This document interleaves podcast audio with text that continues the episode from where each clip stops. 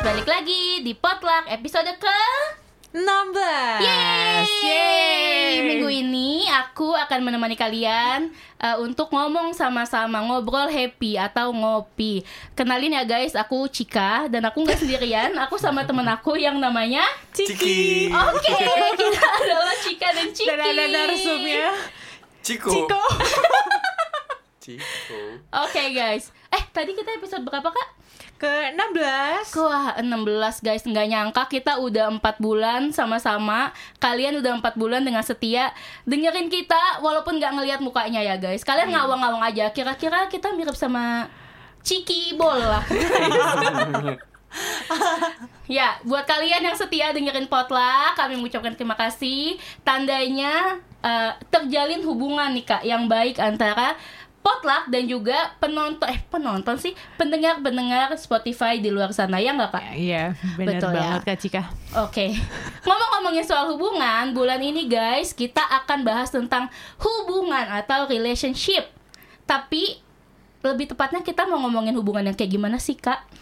Em, kayaknya kalau hubungan tuh kan banyak ya ada hubungan kita dengan teman-teman, hubungan kita dengan keluarga, dengan Tuhan, dengan sesama.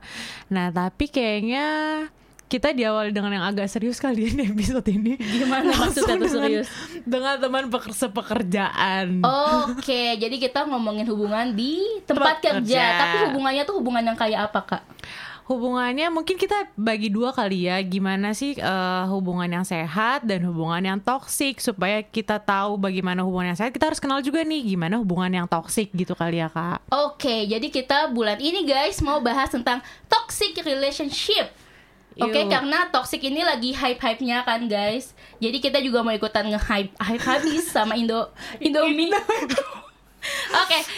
Guys, karena bulan ini kita bahas tentang toxic relationship, Mhm. tapi kita nggak mau yang mainstream nih. Kita mau biasanya kan kalau relationship itu ngomongin pacaran, Iya. terus temenan. Nah, kita ini mau yang lebih serius lagi yaitu tentang toxic relationship di lingkungan pekerjaan. pekerjaan. Untuk itu kita akan menampilkan menampilkan Toxic mem- people. Enggak ya? kita membawa narasumber yang emang udah expert nih Kak di bidang expert di bidang pengalaman. Oh iya. Menenteng mungkin bukan membawa. Oh ya, kita akan menenteng sejumput people yang udah expert di bidang pengalaman eh, di kerjaannya. Boleh kakak, ini tamu spesial kita, boleh silakan memperkenalkan diri. Ya, nama saya seperti yang tadi disebutkan Ciko. Oh ya, halo Kak Ciko. Oke, eh, enggak itu nama panggilan aja ya. Nama aslinya Rudi. Jadi, oke mungkin malam hari ini sedikit saya eh, mau ceritain. Ini kan kita lagi mau bicara tentang relationship gitu ya. Ya, Nah kalau tadi ditanya mengenai eh, wah udah pengalaman udah expert eh, nggak segitunya juga sih sebenarnya gitu ya. Nah, pengalaman kan sekali lagi bisa kita peroleh bukan hanya kita alamin nih, tapi bisa juga dari baca, dari dengar ceritanya orang seperti oh itu iya gitu betul kan ya. betul Kak.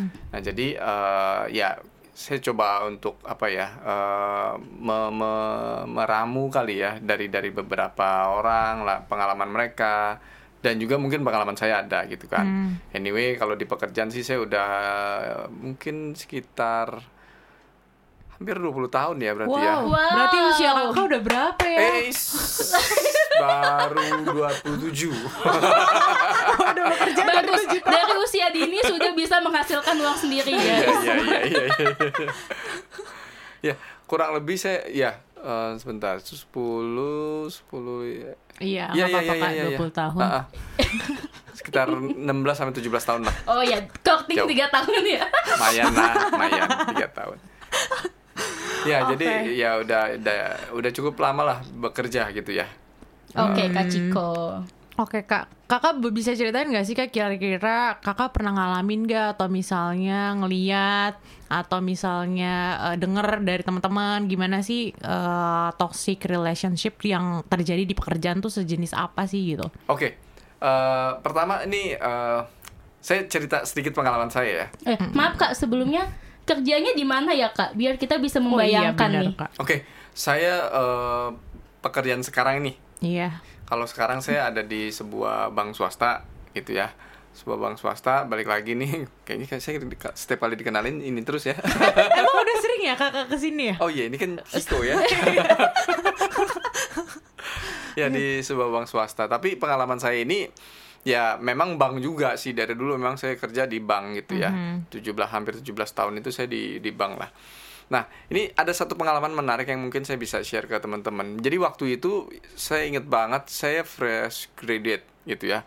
Bener-bener masih apa namanya newbie dalam dunia pekerjaan newbie dalam dunia pekerjaan lalu kemudian excited pastinya kan ketika dapat pekerjaan pertama kali gitu kan terus ketika dikasih offering dan lain-lain wah semangat banget gitu. Eh, ini the first nih bisa menghasilkan uang gitu kan bekerja saat itu ya. Saya berpikir dalam hati seperti itu. Senang excited.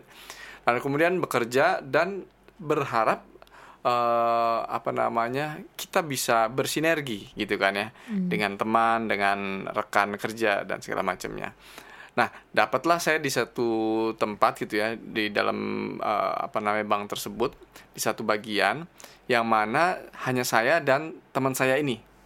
Nah, teman saya ini umurnya jauh di atas saya.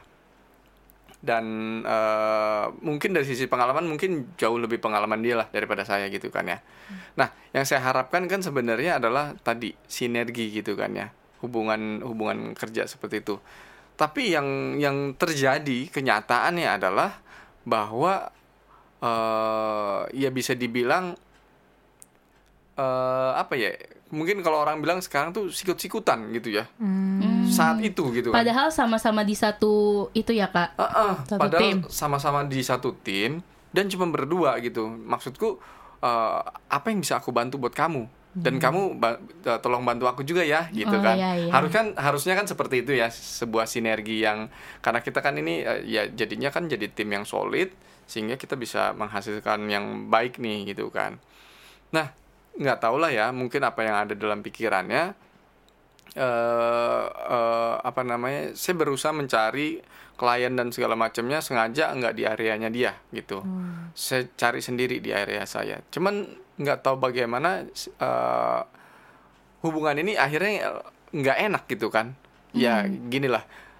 Eh, dalam satu ruangan sama-sama tapi dalam tanda kutip kayak eh, jadi spionase lah dimata-matai lah. Kayak lagi perang dingin ya. di diamati gerak geriknya lah dan segala macam segala macam kayak gitu. Buat saya aduh ini nggak asik sih gitu ya dan walaupun tadi yang seperti saya bilang di awal saat itu memang saya fresh grade. Benar-benar baru masuk ke dalam dunia pekerjaan lalu kemudian eh, gaji saat itu ya not bad. Hmm. Eh, lumayan lah gitu kan. Ya happy gitu. Tapi saya menghadapi satu lingkungan yang seperti ini nih. Satu lingkungan yang di mana eh, punya rekan kerja yang modelnya seperti ini gitu. Dan eh, memang notabene dia lebih senior dan dia lebih lama di situ. Cuman kok kayaknya saya nggak bisa bersinergi dengan dia gitu kan. Apa yang salah sama saya? Saya coba untuk untuk untuk mengkoreksi diri untuk eh, nanya ke dia apa yang salah nih gua kira-kira apa yang gue bisa bantu dan segala macam segala macam gitu kan ya. Tapi ya itu jawabnya cuman yang model judes gitu loh. Hmm. ya udah cari aja gini. Ya udah gini aja. Gitu. Jadi di situ saya rasa ah ini nggak enak sih buat saya ya gitu ya. Ini nggak enak sih.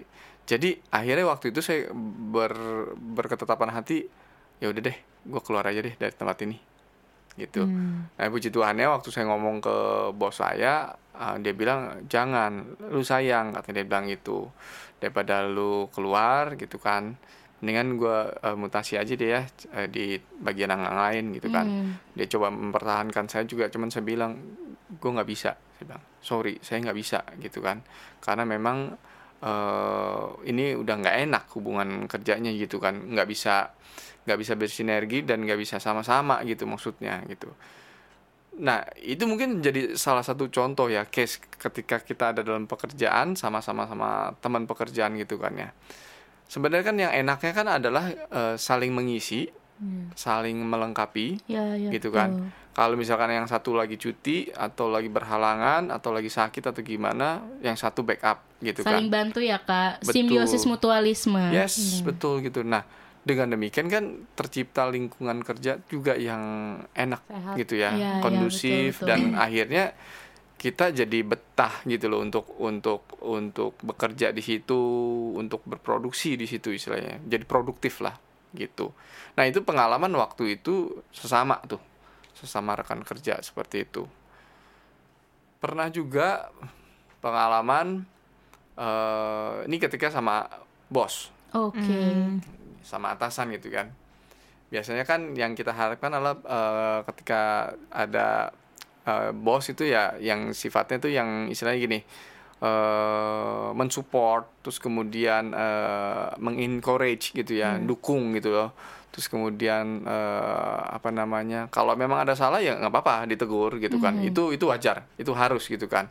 Dan eh, menurut saya sih eh, sesuai yang dengan ya firman juga ya di Kolose 3 ayat 22 itu kan bilang gini hai hamba-hamba taatilah Tuhanmu Hmm.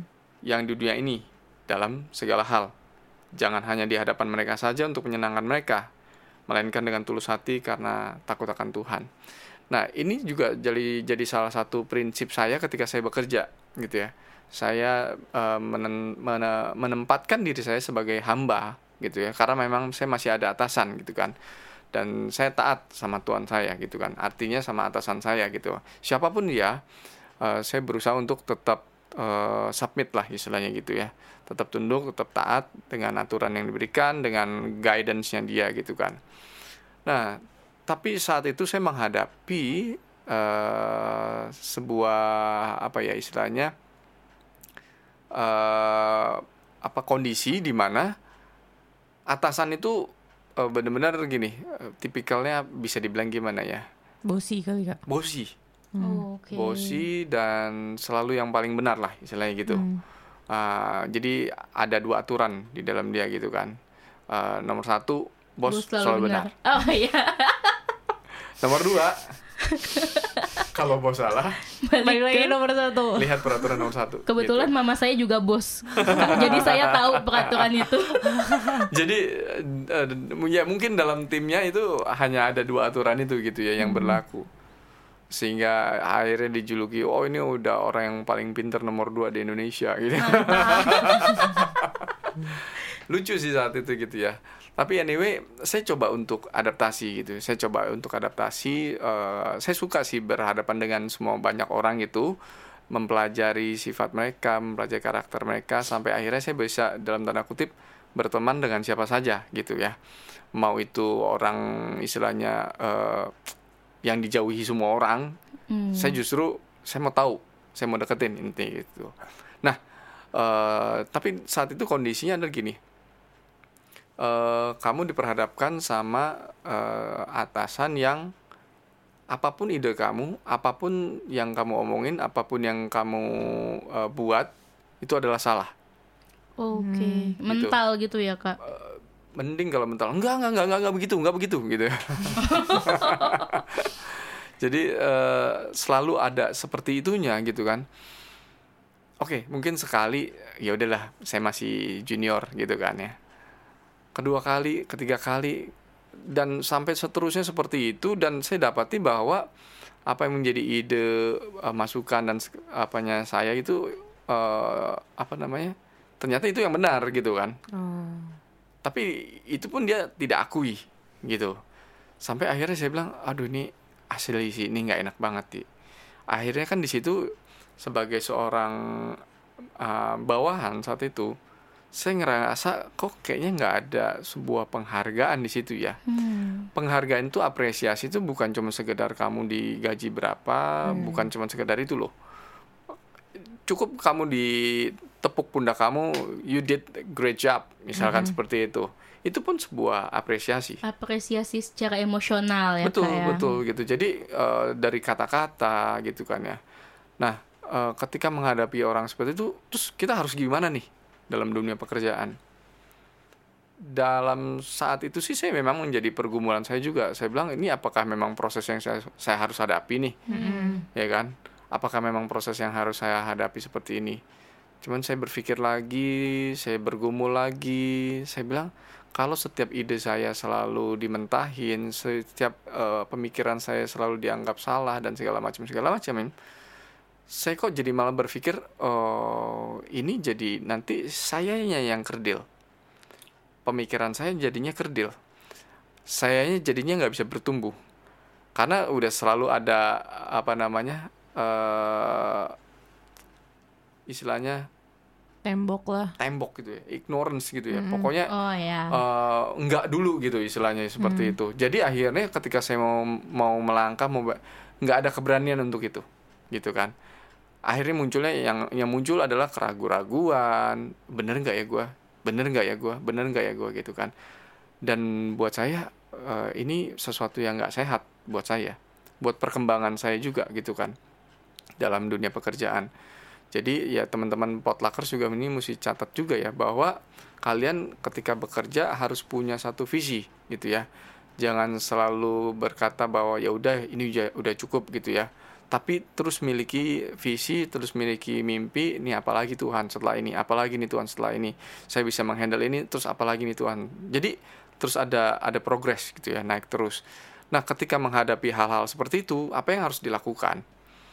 Kalau buat saya secara pribadi saat itu yang saya lakukan adalah saya ambil keputusan oke sepertinya saya nggak bisa kelamaan nih di Hmm. sini karena pertimbangan saya tadi satu saya malahan jadi orang yang nggak berani mengemukakan pendapat jadi orang yang akhirnya sempit dalam pemikiran dan akhirnya jadi orang yang kerdil dalam apa namanya menuangkan ide-ide gitu kan Oke. Dan eh, akhirnya itu yang justru akhirnya bisa menghambat pertumbuhan saya dalam dalam hal ini karir gitu ya. Dan di situ saya berpikir oke deh lebih baik saya undur diri gitu kan.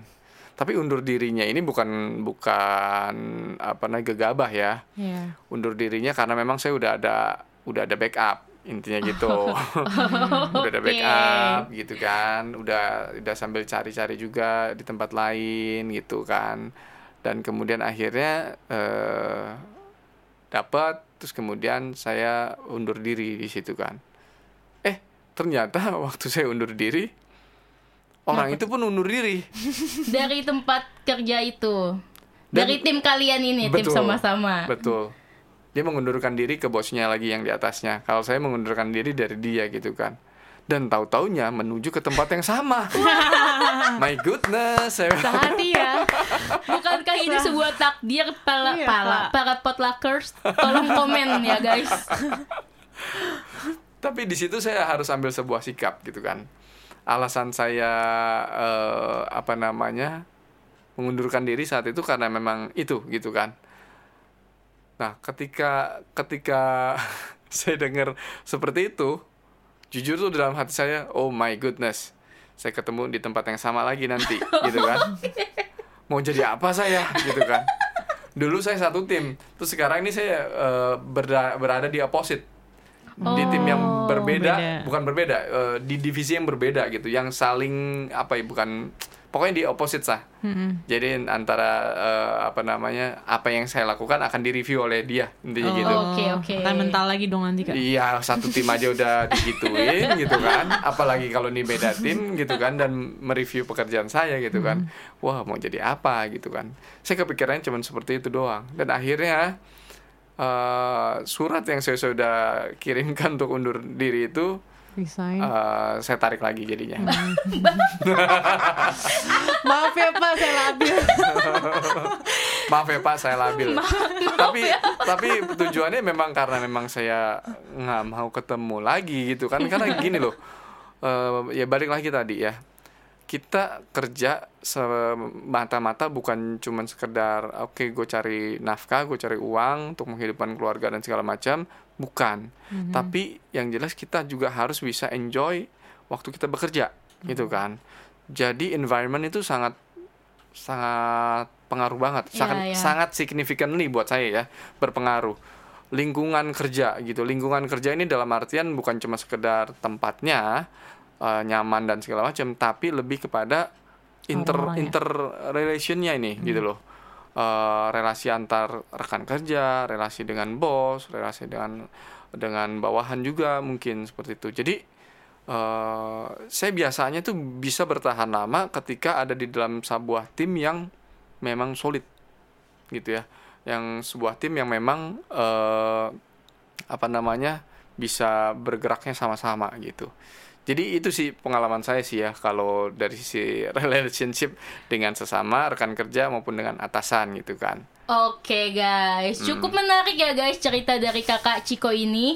Buat teman-teman potluckers yang lagi kerja dan yang lagi mau cari kerja, jangan di skip dulu, jangan di back dulu karena uh, potluck kali ini tuh pasti akan membukakan pikiran-pikiran kalian yang mungkin sebelumnya terbelenggu, bingung, terkengkeng, kungkung itu. Dan nantinya akan semakin terbelenggu.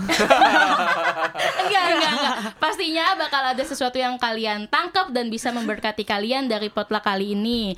Oke, kebetulan guys, cerita dari Kak Ciko tadi itu menjawab semua pertanyaan yang akan kami tanyakan hari ini. Oh, kalian belum nanya ya? makasih udah eh nggak jadi deh. Udah makasih udah dengerin aja guys. Tapi anyway, sekarang pun posisi saya kan ada bawahan gitu ya. Kalau tadi ada rek- rekan sesama, terus kemudian ke atasan, terus kemudian eh, sekarang kebetulan saya ada tim gitu ya, ada bawahan. Lalu gimana sikap sikap saya pada saat saya ada sebagai Atasan. atasan gitu kan? Memang kadang gregetan gitu ya untuk untuk eh, apa namanya? Kita punya punya punya istilahnya dalam tanda kutip punya target, punya apa gitu eh, dan kita mau tuh step by stepnya tuh eh, dilakukan supaya eh, target itu tercapai gitu kan. Eh, sebuah target kan hanya bisa tercapai kalau langkah demi langkahnya tuh udah ditentukan seperti apa gitu kan. Nah jadi eh, ketika kita ngomong begini, ya iya siap siap siap, tapi nggak dilakuin gitu kan ya. Nah itu juga eh, apa namanya bukan sesuatu yang baik gitu ya. Jadi buat teman-teman potluckers gitu yang saat ini bekerja dan segala macam, tadi tuh ya seperti yang tadi firman Tuhan itu bilang gitu ya, hamba ta taatilah Tuhan gitu ya. Iya. Uh, jadi artinya coba bersinergi dengan tuanmu yang ada di dunia sekarang ini intinya seperti itu bersinergi untuk mencapai target sama-sama nanti siapa yang nikmati ya kita sama-sama dapat Iya, betul, bonusnya betul, dan Kak. segala macamnya gitu kan pencapaian tersebut Karena masalah itu Hmm. di mana pun dan siapa pun atasan kita atau bawahan kita akan tetap ada gitu kan kak di tempat iya kerja itu betul kan. betul Oke, jadi teman-teman ini relate banget sama kehidupan pekerjaan kita di Hmm. tempat kerja. Jadi stay tune guys. Oke kak, balik ke cerita kakak di awal tadi tuh, Mm. kan itu bisa dikategorikan sebagai hubungan yang nggak sehat kan kak? Ya. Atau bahasa gaulnya, karena kita anak milenial, Hmm, itu adalah toxic relationship gitu kan kak? oke. Jadi kita kan sepantaran kan? Oh iya, kebetulan saya 20 tahun yang lalu. Itu saya baru brojol. Toxic relationship menurut kakak itu tuh yang kayak gimana sih? Tadi kan Iya. pengalamannya, sekarang sedikit agak teori-teorian dikit lah Oke, Iya. sebenarnya nggak nggak banyak teori yang saya baca sih, tapi kalau bisa dibilang toksik, toksik itu kan artinya beracun ya, sesuatu Ya. yang tidak menyehatkan, Ya. sesuatu yang akhirnya membuat kita sakit. Hmm. Nah, artinya hubungan yang yang membuat kita dalam tanda kutip sakit, sakit ini dalam artian tadi bisa kejiwaan loh. Eh, jangan jangan kalau misalkan teman-teman potlucker saat ini lagi nggak bisa tidur, eh, tidurnya malam mulu gitu ya. Kenapa? Karena mikirin besok bakal ketemu bosnya kayak yang begini Oh, lagi. oke, oke. Karena mikirin besok bakal ketemu temen pekerjaan yang seperti ini modelnya. Karena kepikiran, nah itu udah toksik teman-teman. Artinya kalian itu di situ saya bisa bilang bahwa kalian sedang memiliki hubungan eh, kerja yang sedang tidak sehat sebenarnya. Hubungan yang toksik. Karena apa? Berpengaruh kepada men- your mental health-nya ini. Yang Dan it- ngeganggu ketenangan kita gitu ya kak ya Betul. Jadi akhirnya orang kepikiran dong, stres dong. Iya gitu betul-betul dan jangan biarkan itu terlalu lama karena kalau stres itu mengeluarkan enzim kortisol enzim kortisol ini oh, dulu dulu kita jadi ke sini ya tapi enzim kortisol kortisol ini nggak baik loh ini yang bikin orang tuh jadi penyempitan pembuluh darah dan lain-lain itu dan akhirnya stroke Oke guys, terbukti kan kalau Kak Ciko ini adalah expert dalam pengalaman baca membaca guys. Kak, tapi kan jadi mikir gini gak sih kalau misalnya emang ada masalah gitu. Hmm, hmm, hmm. Terus ya emang kepikiran gitu. Nah terus langsung ah kayak gue ditoksik nih di zona toksik nih karena ya karena kan masalah itu kan akan selalu ada nih ya. Betul. Iya, kan, iya, iya, betul, betul. Nah jadi ya nanti gimana cara teman-teman mengidentify kalau ini masalah yang wajar, tapi ini Iya, masalah iya. yang emang ini tuh toksik gitu. Sejauh Oke. apa sih tolak ukurnya? Oh ini toksik, ini belum toksik gitu. Tolok, tolok, tolok ukur. Tolak ukur, maaf ya. Bukan Saya tolak sering ukur. ditolak soalnya. Jadi gini guys, eh, ini memang yang saya mau ceritain juga ya, Eh, supaya supaya ada batas yang jelas. Apakah memang ini proses yang kalian harus hadapi, atau memang ini sesuatu yang memang sudah tidak sehat yang harus kalian hindari? Ya, nah ini harus ada garis batasnya yang jelas. Karena menurut saya gini, eh, balik ke tadi to- tentang toxic relationship, artinya hubungan yang membuat kamu tidak sehat. Kalau hubungan itu membuat kamu tidak sehat, berarti hubungan itu akan membuat kamu tidak bertumbuh, tidak berkembang, gitu kan ya. Nah, beda halnya misalkan, nih kayak saya kasih langsung cerita lah ya, kalau kasih langsung ke analogi. Balik ke pengalaman saya lah. Ada bos saya yang dikit-dikit, Rudi tolong ini, Ciko tolong ini. Tolong kerjain ini, tolong kerjain ini, tolong kerjain. Besok udah selesai ya. An- Nanti eh, apa namanya besok kita udah masukin ke dalam apa namanya meeting komite ya dan segala macam segala macam. Buat saya itu sebuah gini loh. Wow, ini tantangan. Memang sih burden itu kadang-kadang di saat itu ya, wah itu kayaknya overburden banget gitu ya. Saat itu kayaknya stressful dan segala macam gitu. Tapi saya bisa identify bahwa eh, hal ini nih untuk mengembangkan kapasitas saya. Oke. I can accept that as a positive thing gitu loh. Saya bisa terima itu sebagai sesuatu yang positif. Nah, beda halnya tadi yang saya bilang. Ketika saya ajukan sesuatu, ketika saya mengutarakan ide, saya ketika saya ini enggak enggak itu salah. Enggak bener loh. Bila wah pokoknya adanya yang ada itu adalah judging eh, nggak ada apresiasi dan segala macam. Dan itu sering ya kak, nggak sekali dua kali. Dan itu sering gitu loh. Bukan cuman sekali. Kalau sek- sekali doang mungkin kita memang salah saat itu. Dan ini kalian juga mesti perhatikan bahwa eh, eh, apa namanya? Kita harus objektif ya. Kita harus objektif. Dalam artian gini, apakah memang pekerjaan saya nggak sempurna? Gitu kan? Kalau memang nggak sempurna, ya udah terima gitu. Jangan berpikir subjektif. Waduh, gue menderita nih. Waduh, gue gue jadi objek penderita nih. Waduh, gue jadi orang yang dizolimi nih istilahnya. Ngetoksikin diri sendiri namanya. Ngetoksikin diri sendiri gitu ya. Artinya meracuni diri sendiri dengan dengan pikiran-pikiran yang seperti itu. Dan itu salah menurut saya gitu kan. Eh, kita harus berpikir objektif bahwa apakah memang pekerjaan saya ini salah apakah memang pekerjaan saya ini kurang tepat? Apakah memang ha- hasil yang dicapai harusnya nggak seperti ini? Hmm. Nah, gimana ngujinya? Ya pasti kan ada harus ada dalam tanda kutip pihak ketiga gitu yang bantu ngeliat gitu Oh, iya. istilahnya gitu kan. Eh, ya kita ngobrol aja mungkin sama teman juga. Eh menurut lu ini begini oke nggak sih? Atau misalkan misalkan diajak ngomong sama bos itu karena saya juga pernah menghadapi bos yang model gini. Eh perbaiki nih. Terus saya bingung. Apa Perbaiki yang yang di mana nih? Oh, kan. iya. Yang di mananya nih? Yang di bagian mananya nih? Nah, yang di bagian mananya? Ya baca aja, lihat aja apa yang salah. Terus saya bilang bingung di situ kan. Nah yang kayak gini-gini nih maksud saya eh, kalau kalian sekarang ini punya bawahan, kalau sekarang ini kalian jadi atasan, jangan lakukan itulah. Karena buat saya tuh itu nggak nggak nggak mendidik menurut saya nggak mendidik. Artinya kalau emang kamu ada yang salah, ada sesuatu yang kamu lihat kurang dan segala macam, kasih tahu nih. Kamu lihat ini ini ini ini ini salahnya itu di sini sini sini sini sini gitu kan Diarahin yang jelas ya diarahin Kak. yang jelas. Kecuali ya kalau udah diarahin yang jelas, besokannya mengulangi hal yang sama terus dua tiga empat kali lima terus begitu. Ya udah kalau pas dia datang salah lagi, ya udah lu mikir aja sendiri. Kita belokin aja arahnya ya Kak ya. Gak usah diarahin. mikir lagi aja sendiri. Ya, putar balik aja deh. Ya. Putar balik guys. Ya, kalau kecuali yang kalau kayak begitu ya. Jadi artinya gini, batasannya memang harus clear bahwa kalian harus objektif ngelihatnya.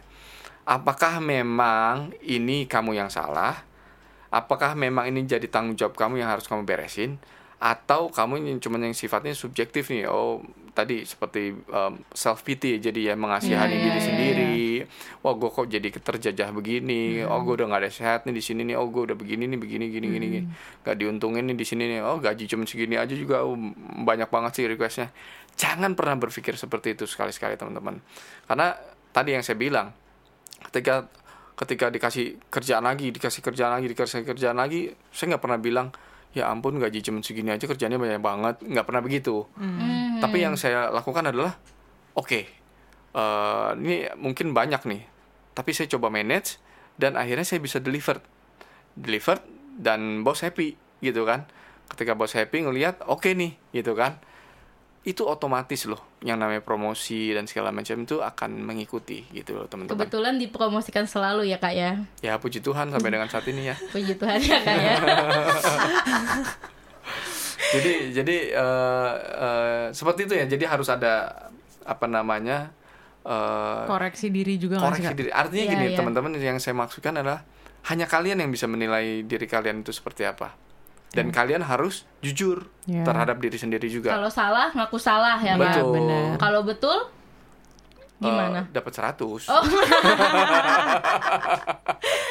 Gitu guys, jadi buat teman-teman potluckers, pesan dari Kak Rudi itu sebelum kita eh, menilai orang lain dan menyalahkan orang lain terhadap kesakit hatian kita di tempat kerja, Hmm. lebih baik kita refleksiin diri kita dulu nih, apakah Betul. yang kita perbuat itu sudah benar, Betul. apakah yang kita lakukan itu memang sesuai. Hmm. Kalau misalnya enggak, ya perbaiki. Jadi kembali lagi ke diri kita masing-masing gitu ya Hmm, guys. ya. Iya. eh keren banget ya bisa Iya. disamarin gitu ya Oh, tentu Iya. saja itu mind guys. blowing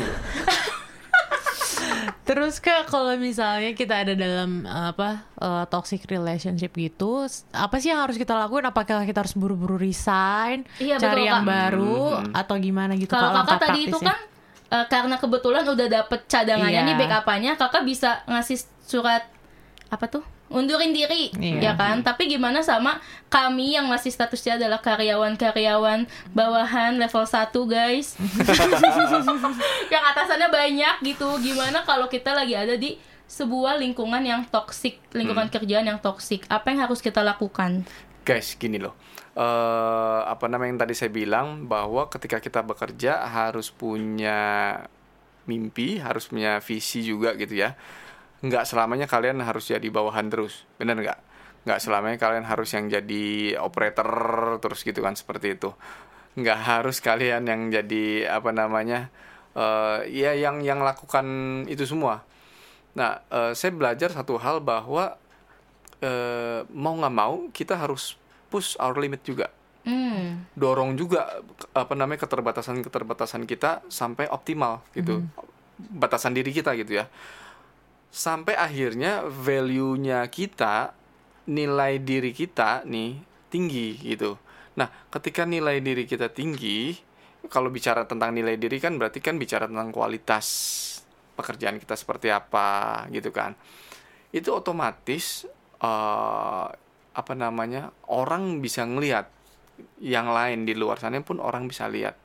Nah, selama selama lagi bekerja itu kan pastinya kan juga akan ketemu dengan orang lain kan Iya. di tempat Mhm, lain dan mhm. segala macam ngobrol ketika ngobrol oh nyambung ketika nyam, apa ngobrol seperti itu kok ini orang kayaknya eh, apa namanya punya pengetahuan yang cukup luas dan segala macam segala macam gitu kan akhirnya dari situ kan jadinya eh ya no- ada yang mungkin orang bilang eh lu mau nggak di tempat teman gue nih eh lu mau nggak di sini sini karena or- akhirnya orang bisa merekomendasikan kita Hmm. karena mereka ngelihat Nilai kita. Oh, Nah, Oke. jadi yang saya mau katakan di sini adalah gini teman-teman, bukan kemudian kita serta merta mengundurkan diri, lalu kemudian akhirnya eh jadi ini lagi gitu pengangguran gitu kan? Hmm. Bukan begitu juga. Yang saya maksudkan adalah eh saya pun ketika saya cerita yang tadi itu proses saya udah lama, Hmm. udah berbulan-bulan gitu kan? Jadi nggak langsung mundurin diri nggak gitu ya kak? ya? It- makanya saya bilang ini kan sekali begitu, dua kali begitu, terus seperti itu kan. Jadi akhirnya saya mulai membaca bahwa oh kayaknya salah ini gitu kan. Dan kalau saya di tempat ini terus, saya jadinya nggak berkembang. saya jadinya kerdil dan segala macamnya gitu nah itu ya akhirnya yang yang ada dalam pikiran saya dan saat itu ya puji Tuhan ya saat itu saya masih bawahan bisa dibilang. Memang istilahnya eh, level yang paling bawah mungkin untuk untuk di eh, divisi tersebut gitu kan. Tapi bukan berarti nggak bisa naik gitu maksud saya. Ketika ketika saya apa namanya bisa dapat penawaran di tempat lain pun ya posisinya naik gitu. Nah jadi eh, mau nggak mau sih kita harus push our limit juga ya Iya. ningkatin value-nya kita juga Iya, nilai iya, diri iya. kita juga Iya, dengan iya, betul, dengan Kak. dengan demikian istilahnya orang bisa ngelirik kita gitu dan tadi mungkin yang seperti JJ bilang apakah itu harus serta merta begitu nggak cocok begitu ini ngerasa bahwa ini toxic mundurin diri dan segala macam prosesnya itu memang nggak nggak secepat itu prosesnya memang nggak secepat itu Eh, pasti ada waktunya di mana kita harus timbang-timbang Hmm, eh, Bergumul ya, bergumul seperti yang tadi saya bilang gitu ya. Saya karena ya kebetulan saya tipikalnya orang yang mikir dua kali sebelum bertindak intinya gitu. Hmm. gitu sih Saking fokusnya loh, soalnya aku ini kan kebetulan kerja kan, jadi aku tuh bener-bener fokus banget nih dengerinnya nih supaya aku nggak kelewatan, nggak Sampai miss. lupa kalau jadi host ya, Iya, Kak. iya, iya, iya, iya, iya, oh iya, saya lupa, mohon maaf, mohon maaf guys. Oke, teman-teman, beneran lupa sekarang mau ngomong apaan. Oke, oke, oke. Jadi eh, intinya kan kita apa kak tadi kak mengupgrade diri kita kan upgrade skill terus eh, meningkatkan etos kerja kita juga gitu kan Betul. kak. Terus juga sama eh, integritas kita di tempat kerja. Soalnya kan eh, kebetulan kalau anak-anak milenial ini mayoritasnya kan eh, lebih egosentris kan. Iya. jadi apa-apa kok kayaknya gue lagi kok kayaknya gue lagi kok gue terus yang diginiin gitu kan. Soalnya aku punya eh, pengal bukan pengalaman aku sih tapi kayak pengalaman temen gitu. Hmm. dia kerja di suatu PT Hmm. terus eh, dia itu di bagian HRD tapi karena cuma satu jadi dia merangkap ke semuanya Hmm. semua bidang itu kayak payrollnya terus kayak kontrak segala gitulah segala macamnya dia ngurusin terus sering ngaluh kayak duh gue dapat kerjaan mulu lagi lagi lagi lagi gue terus gue terus gue terus sampai Hmm. capek kecapean ya namanya juga kerja kan pasti capek ya guys kalau Iya. kalian nggak mau capek Hmm. Makan. tuh terus akhirnya sampai udah dibilang ya udah tahan-tahanin aja dulu. Maksudnya di mana pun kita ada pasti kan masalahnya nggak jauh-jauh dari itu kan. Hmm. tapi akhirnya nggak kuat juga terus dia pindah. Pindah ke tempat yang lebih baru dengan gaji yang lebih tinggi. Terus di tempat yang ini udah kita pikirkan oh ini udah aman nih teman kita ini nih. Eh balik lagi kalau ketemu ceritain masalah kayak gitu lagi di Kerjaan. kantornya. Hmm. Ih gue capek banget setiap hari. Gue kerjaannya ngurusin seribu kontrak bla bla bla bla bla bla bla bla bla bla bla bla bla. Terus awalnya dinasehatin gak mempan. Ketemu lagi dia cerita gitu lagi dinasehatin lagi ketemu kayak gitu lagi. Hmm. sampai akhirnya aku sendiri bingung mau ngomong apa gitu kak. Itu gimana Ah. cara nanggepin temen yang kayak gitu tuh kak? Iya, jadi memang ini balik lagi tadi yang seperti saya bilang ya. Ketika orang dikasih eh, tanggung jawab lagi, tanggung jawab lagi, tanggung jawab lagi, tanggung jawab lagi, ini buat teman-teman potluckers kalau kalian lagi ngalamin hal seperti itu, ingat itu sebuah anugerah. Karena gini loh, artinya kalian dipercaya untuk lakukan itu, gitu. Bukan cuma sekedar eh, sekarang gini deh, kalau se- seseorang atau atau kita deh masing-masing pribadi-pribadi ya ngerasa bahwa oh pekerjaan ini kan harus diselesaikan nih. Terus kemudian kalian bilang oh iya suruh dia aja tuh suruh dia aja deh gitu kan. Hmm. Eh, apa namanya kerjaan itu deh gitu kan. Apakah kalian berharap pekerjaan itu tidak diselesaikan dengan sempurna atau kalian berharap pekerjaan itu selesai- diselesaikan dengan sempurna? Pastinya semua orang kan berharap bahwa pekerjaan itu Diselesaikan diselesaikan dengan dengan sempurna. sempurna. Hmm. terus tugas itu diberikan kepada orang lain. orang itu kan. Oh ya terhadap, terhadap- kepada orang itu. Artinya dia taruh percaya bahwa kamu bisa lakukan itu Iya. oh ya jadi itu kayak kesempatan mengupgrade kualitas diri ya Betul. kak sebenarnya itu untuk untuk ya tadi saya bilang expanding capacity kita aha. Eh, me- terus perluas terus perlebar kapasitas kita dan segala macamnya dan eh, ya saya, saya ini sekali lagi saya pernah punya pengalaman ya Eh, bekerja di sebuah bank juga eh, masih bank kecil gitu karena karena bank kecil jadinya semua semuanya saya gitu kan Hmm. saat itu saya nggak bilang bahwa loh kok semua semua saya sih gitu kan di Jabdes nggak begini nih gitu kan Hmm. dulu nggak ada begini Oh nih iya gitu iya kan iya iya iya.